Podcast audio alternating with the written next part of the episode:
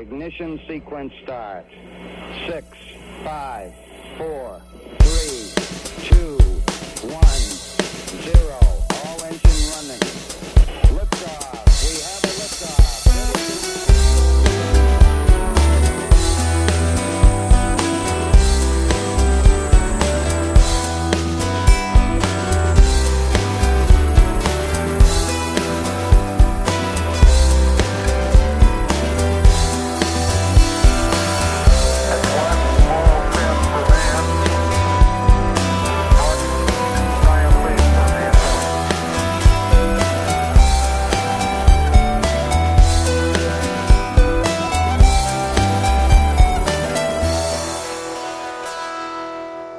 Uh, hej och välkomna allihopa till det nya avsnittet av Slottspodd.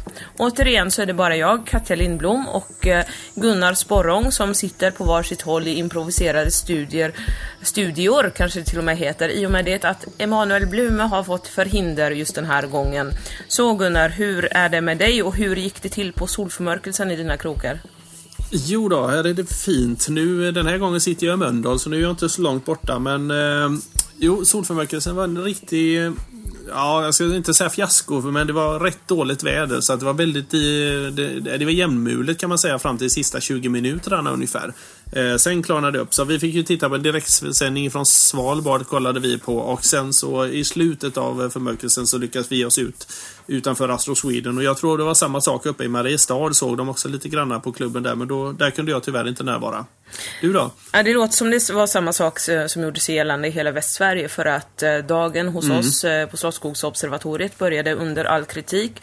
Det var mulet och eländigt efter att ha varit fint väder i flera dagar. Lyckligtvis hur som helst så var det mesta av de här molnen dimmoln så det gjorde att även vi fick en chans att se de här sista 20 minuterna. Eh, hur som helst så eh, var det lite kortare tid som det faktiskt var synligt genom teleskopen. Um, Men eh, folk var nöjda och glada och trots eh, det här eh, mulna vädret som var så fick vi ganska mycket, eller vi fick väldigt mycket besökare. Hade det varit Ja. klart hade vi behövt ytterligare ett observatorium. Okej. Jajamän. Ja, det, det, nu får vi vänta på nästa förmörkelse ett tag misstänker jag. Så, att, eh, så, så det är... eh, Vad är det? Det är väl 2018 eller något nästa som är, som är synlig härifrån. Men den är inte alls så stor procent. Utan det är väl inte för 2025, 26 någon gång som det börjar närma sig den här storleksordningen. Över 50 procent i alla fall. Ja, för mig att det är 2026 och sen eh, något, vid något vara? senare tillfälle. Fast å andra sidan så har vi ju en ganska häftig månförmörkelse att se fram emot nu den 28 september i år. Det kommer det, inte bara vara total månförmörkelse utan det här sker i samband med supermåne, vill säga då månen befinner sig Ah. som närmast jorden. Och det. det. det här kan ge upphov till en rejäl blodmåne så att säga. Ja, just det. Precis. Härligt, härligt. Jajamensan. Den här, eh, det här kommer vi ju prata om längre fram givetvis. Men det gäller att man antingen är riktigt, riktigt morgonpigg eller en ordentlig nattuggla Mm. för att kunna se den här ordentligt. Ja, jag ser ju till att vara vaken hela natten. Ja. Jag tänker inte gå upp så tidigt. Ja, Sam, så, jag sa, lova. samma här, det är lättare att lägga sig sent än att gå upp onödigt tidigt. Ha, ska vi eh, köra igång eh, dagens eh, teman? Ja, det kan vi göra. Vi har ju eh, ett antal rubriker här idag och vi kommer att börja med eh, den svenska militära satelliten äntligen offentliggjord. Eh, ja, det har ju varit lite snack om militära satelliter och sånt där. Kommer de att, uh, kommer de att byggas? Kommer de att sättas i bruk? Eller kommer de inte? Det har varit väldigt luddigt. Vi reder ut begreppen här. Sen eh, mer extremväder att vänta och det är du Gunnar som kommer tala om hur klimatet förändras ytterligare. Eh, har Rosetta-sonden tagit sig vatten över huvudet? Det är en fråga som uh, även du ska besvara. Och uh, sist av allt så har vi kul molekyler i ett protoplanetärt system.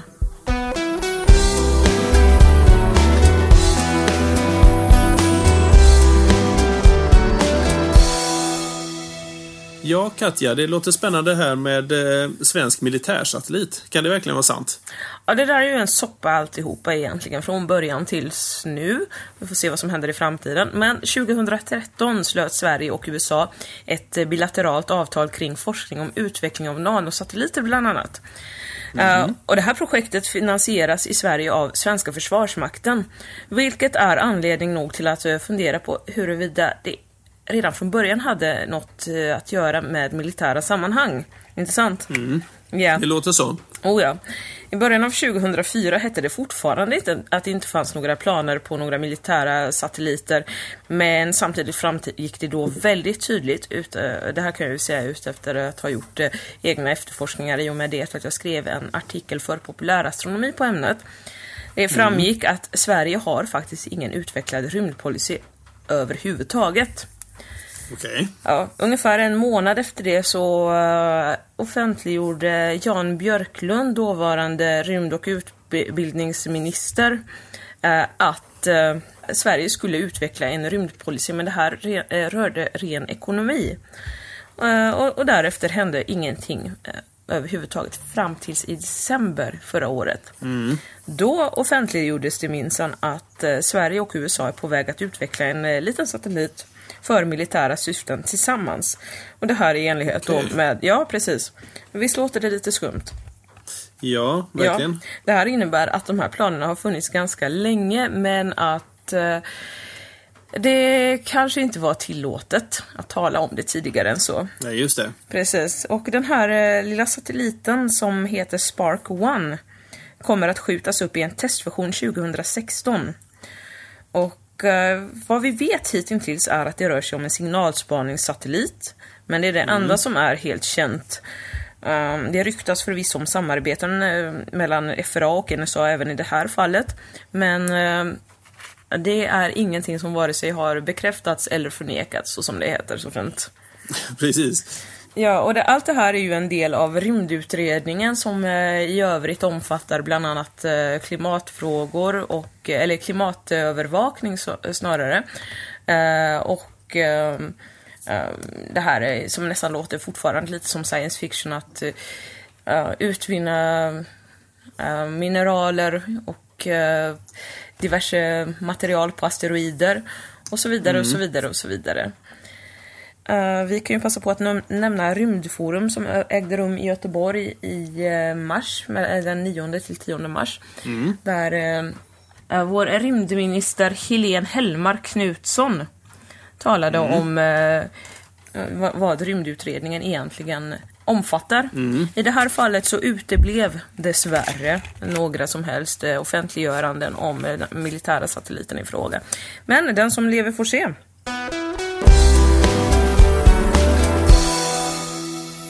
Ja du Gunnar, eh, i senaste avsnittet så konstaterade vi att grundvattennivåerna i Kalifornien sjunker i en oroväckande hastighet. Men vad har hänt sen sist?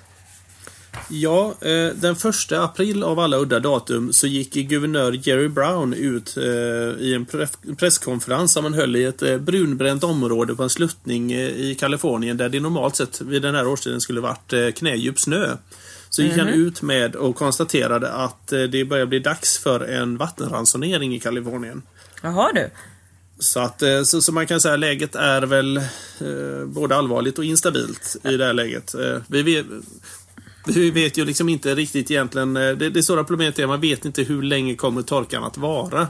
Och sen så vet vi ju att det är ett kroniskt eh, fenomen att man använt mycket mer vatten än vad som är lämpligt i det här området i och med att det är en av de tätast befolkade områdena i USA. Hur har de tänkt sig att eh, vattenransoneringen skulle gå till?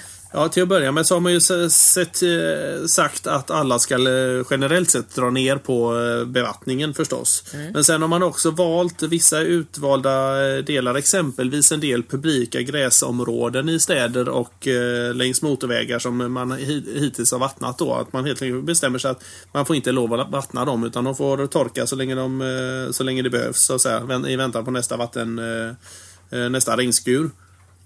Och mm. Eh, sen så har man också pratat om, eh, för det finns ju rätt så mycket golfbanor i Kalifornien och det kan mycket väl hända att en stor del av dessa kommer att sluta att bevattnas. Vilket förvisso kommer ge ett ramaskri men jag tror att det är en, nödvändigt i det här läget som de har hamnat i. Ja, definitivt. Det finns ju faktiskt dessutom golfbanor, inomhusgolfbanor med konstgräs som går att nyttjas. Ja, bara en sån sak. Jajamensan. så att, inga problem liksom. Eh, och, men jag säger upprinnelsen till att det här är sån kris just nu då, det är ju det faktum att eh, dels så stod han ju i det här området som där det borde legat snö, men där det som sagt inte fallit någon snö under vintern, så det fanns ingenting kvar att smälta av.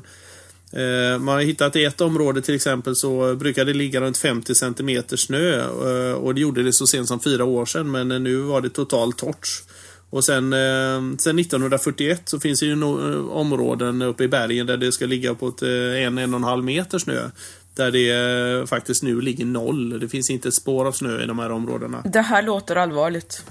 Ja, det är väldigt allvarligt just med tanke på att en stor del av det här vattnet som man använder under våren och sommaren och även hösten är ju sånt som kommer in i form av, i form av smältvatten på våren. Men det finns, nu finns det liksom ingenting som kan smälta. Så att nu, nu sitter de verkligen i klistret. Ja, det låter onekligen som så. När vi ändå pratar om eh, spännande klimateffekter i dagsläget så ska jag, tänkte jag nämna en annan sak. Och det, den här är väl lite mer så här tveksam om det är... Det, det, det, jag har sett rapporter från mer än ett ställe den sista månaden eh, som pekar på att Golfströmmen faktiskt är svagare än på tusen år. Uh, och det i sig är väl egentligen inte globalt ett problem. För globalt sett så är, påverkar det inte snitttemperaturen. Men lokalt sett kan det ju faktiskt göra att områden som till exempel, det finns ett område på jorden där temperaturen inte ökar just nu. Och inte har gjort de sista 10-15 åren. Och det området i Nordatlanten som ligger mellan Irland och Kanada. Jaså? Alltså det, om, det, det området är faktiskt svalare nu än vad det varit på länge. Och det var därför man började på allvar undersöka det här. Mm. Eh, vad, vad, som händer är ju att i det området så skall ju faktiskt vatten komma ifrån eh, Mexikanska golfen och det området eh, från ekvatorn och strömma uppåt och ta med sig värme. Men eh, vad man nu har insett är att det tar inte med sig lika mycket värme nu som det gjorde för eh, bara 30 år sedan. Ja, det här är ju någonting som eh, har varit ett skräckscenario ganska länge. Vad händer om eh, eh, eh, Golfströmmen saktar ner? Men nu börjar det ju verka som om de här så smått börjar besannas. Ja, det, det, är ju så. Man har alltså pratat om det här på IPCC, den international, eh, internationella panelen för klimatförändringar alltså som eh, FN står för. Eh, så har man ju diskuterat det här att risken att eh, Golfströmmen ska minska har legat någonstans mellan 11 och 34 procent. Att den kommer att minska under eh, ja, 2000-talet nu. Mm. Eh, vad man kan konstatera nu är att det är eh, mer eller mindre spikat att den börjat att sakta ner. Exakt hur mycket har siffrorna växlat lite på. Det pratas om någonstans mellan en 5% upp till en 10 eh, ungefär. Att den saktat tempot med mellan 5 och 10 eh, men det är alltså rätt mycket. Det, det, det, det börjar bli... Det är redan väldigt mycket. Ja, jag menar, det, det börjar nästan bli lite läskigt när man tänker på det i de banorna. Eh, och man kan säga det som kommer, det, det, kommer ju inte bli ett sånt där day after tomorrow scenario här med att det helt plötsligt kommer det bli en istid och så här. Alltså det, det kommer inte inträffa. Nej, det är inte så sannolikt liksom. men, men det som kommer hända det är ju det att fördelningen av energi, det vill säga fördelningen av värme på jorden kommer ju ändras. Så att vi som är vana vid att vi har, eh, jämför till exempel, tittar vi på Göteborg och så tittar vi rakt västerut emot eh, mot USA och Kanada, de områdena där så vet man det att snittemperaturerna i Kanada och eh, sommarmånaderna är mycket färre och sådär. Det är alltså mycket svalare på den sidan och mycket varmare på vår sida. Och det har vi ju liksom vant oss vid. Vi har dessutom fått vänja oss vid eh, alla möjliga konstiga vinterväder. Vi har ju redan nu kunnat eh, märka av en det här som ja, åtminstone jag älskar att ta upp i tid och otid. Mm. De här åskvädren vi ja. får i eh, januari till exempel, eller till och med december var det förra året. Ja, precis. Eh, och det, det, här är, låt oss säga, en liten försmak på vad som komma skall. Ja, lite så. Jag har ju alltid älskat åskväder så att jag följer ju dem eh, till varenda dag jag kan så att säga. Åsksäsongen kan jag säga till exempel, den har ju redan börjat nu eh, några dagar efter första april. Yeah. Eh, och, och, det är väl inte helt vanligt kan man säga. Åsksäsongen ska väl börja i maj ungefär om allting funkar som det ska. Ja, och, och för senare märker man av den på riktigt. Ja, precis. Jo, men så är det ju. Men eh, det, om vi säger det har varit två dagar moskväder redan och nu när vi spelar in det här så är det ju, vad har vi för datum idag? Det 12 det, april, vilket 12, innebär, dessutom innebär att eh, det idag är eh, årsdagen av eh, uppskjutningen av eh, Vostok. Eh, nummer två, om jag inte missminner mig, med Yuri Gagarin ja. som då blir den första människan i rymden. Se där ja, se där strålande. Ja, Ja. Då, då har vi lite att fira idag dessutom då. Det, det får Definitivt. vi göra efteråt. Ja. så, ja, det, men som sagt, så um, Oscarsäsongen är på gång och gillar ni Oscar så är det bra. Gillar ni inte Oscar så tyvärr, sorry. That's life. Det blir bara mer av det. Ja, definitivt.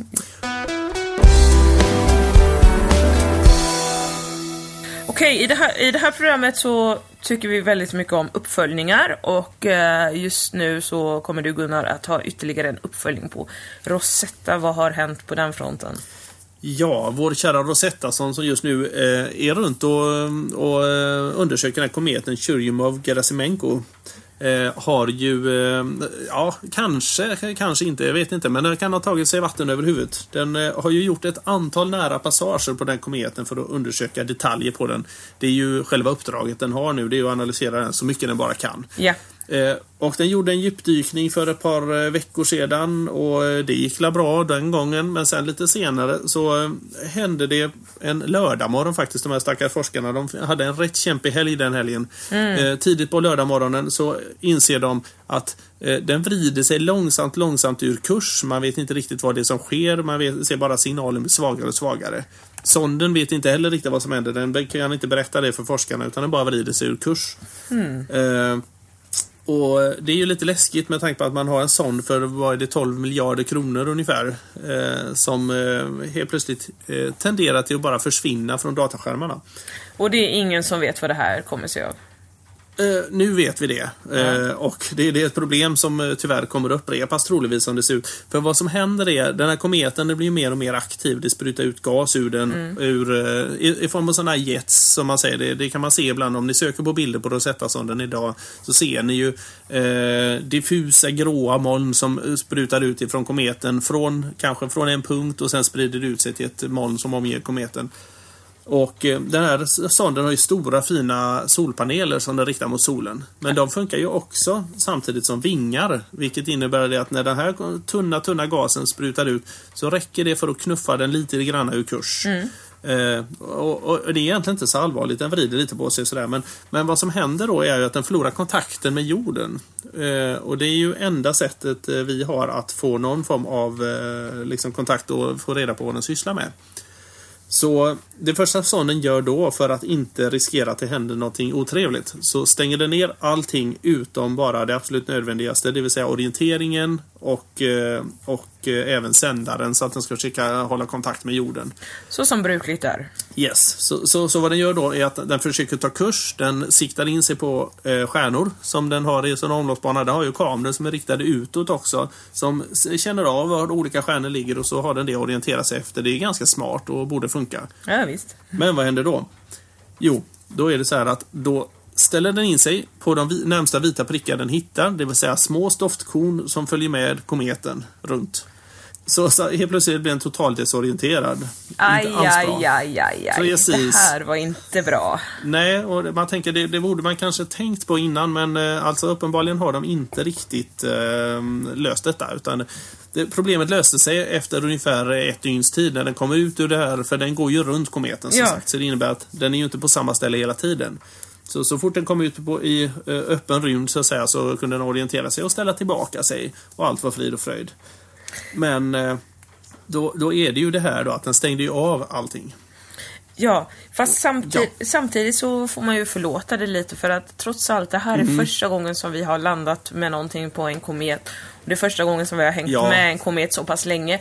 Och när vi talar om såna här eh, banbrytande nya grejer som händer Mm. där ute så det är kanske lite mycket att förvänta sig att allting ska gå perfekt första Ja, gången. jo, men så, så är det ju. Så är det ju. Det är klart. Eh, däremot vad, som, eh, vad man nu får tänka sig för så att inte det här händer igen. Det finns ju en poäng eh, med att den stänger ner allting och så här, men det är ju också det att den har alltså stängt ner ett par pågående experiment varav en del tar tid att starta upp. Så man, rä- man räknar med att den här lilla episoden som då skedde i slutet på mars där kan ha eh, gjort att man förlorat så mycket som en månads data ungefär. Ja, det är å andra sidan ganska allvarligt. Ja, precis. För jag menar, det är ju ändå eh, Det är ju mycket Den, den kommer ju bara köra fram här till i höst eh, Fram till, vad, vad är det? Oktober, november, december någonstans där. Jag har för mig att det är ihåg. december som gäller. Ja. Precis, och, och, och det, det, är klart att då, om man då tar bort en månad av detta, det är ju 10% av informationen i grova drag. Dessvärre. Nej, så vi får väl se hur det utvecklar sig, men de kommer i alla fall, man kan ju säga som Sylvian Lodiot sa, eh, att närflygningar kommer att få undvika på ett tag nu innan vi kommer till rätta med det här problemet. Ja.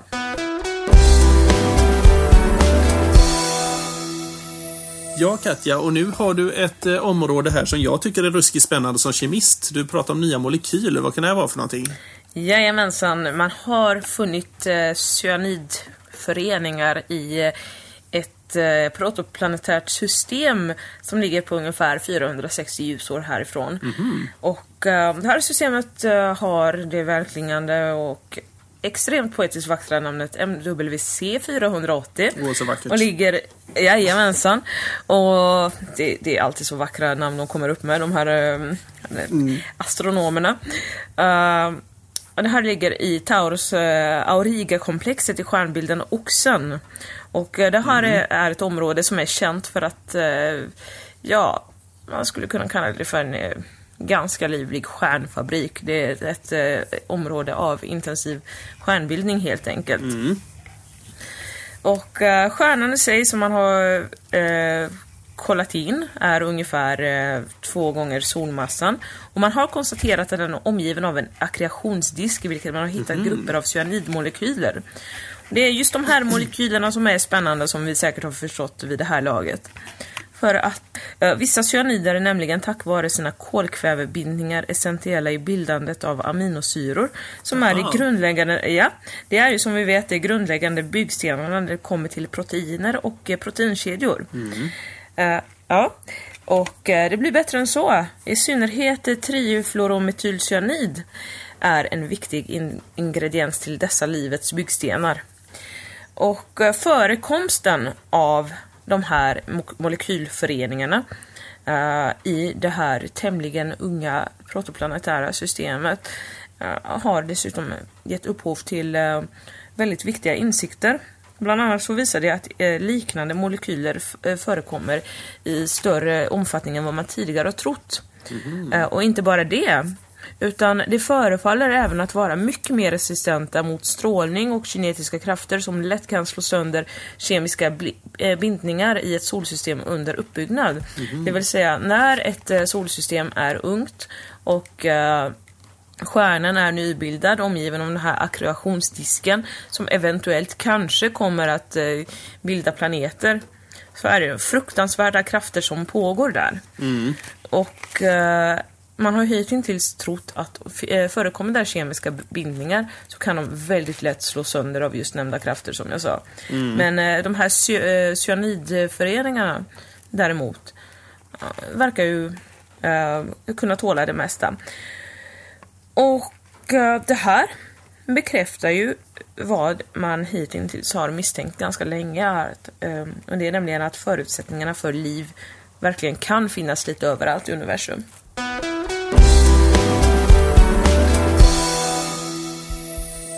Så där är jag, kära lyssnare. Eh, Det här var allt från Slottsbåtsgänget i eh, april 2015. Vi vågar inte riktigt lova att det kommer ett avsnitt genast i maj med tanke på att det är väldigt mycket som kommer att hända nu framöver. Vi har eh, Vetenskapsfestivalen till exempel som kommer att äga rum kom, kommande vecka och det är väldigt mycket som händer fram mot vårfronten. Men Vi kör så snart vi kan. vi kör så snart vi kan. Vi kommer tillbaka. Det är en sak ni alltid kan vara säkra på. Och fram tills dess, Klara skyar. ja.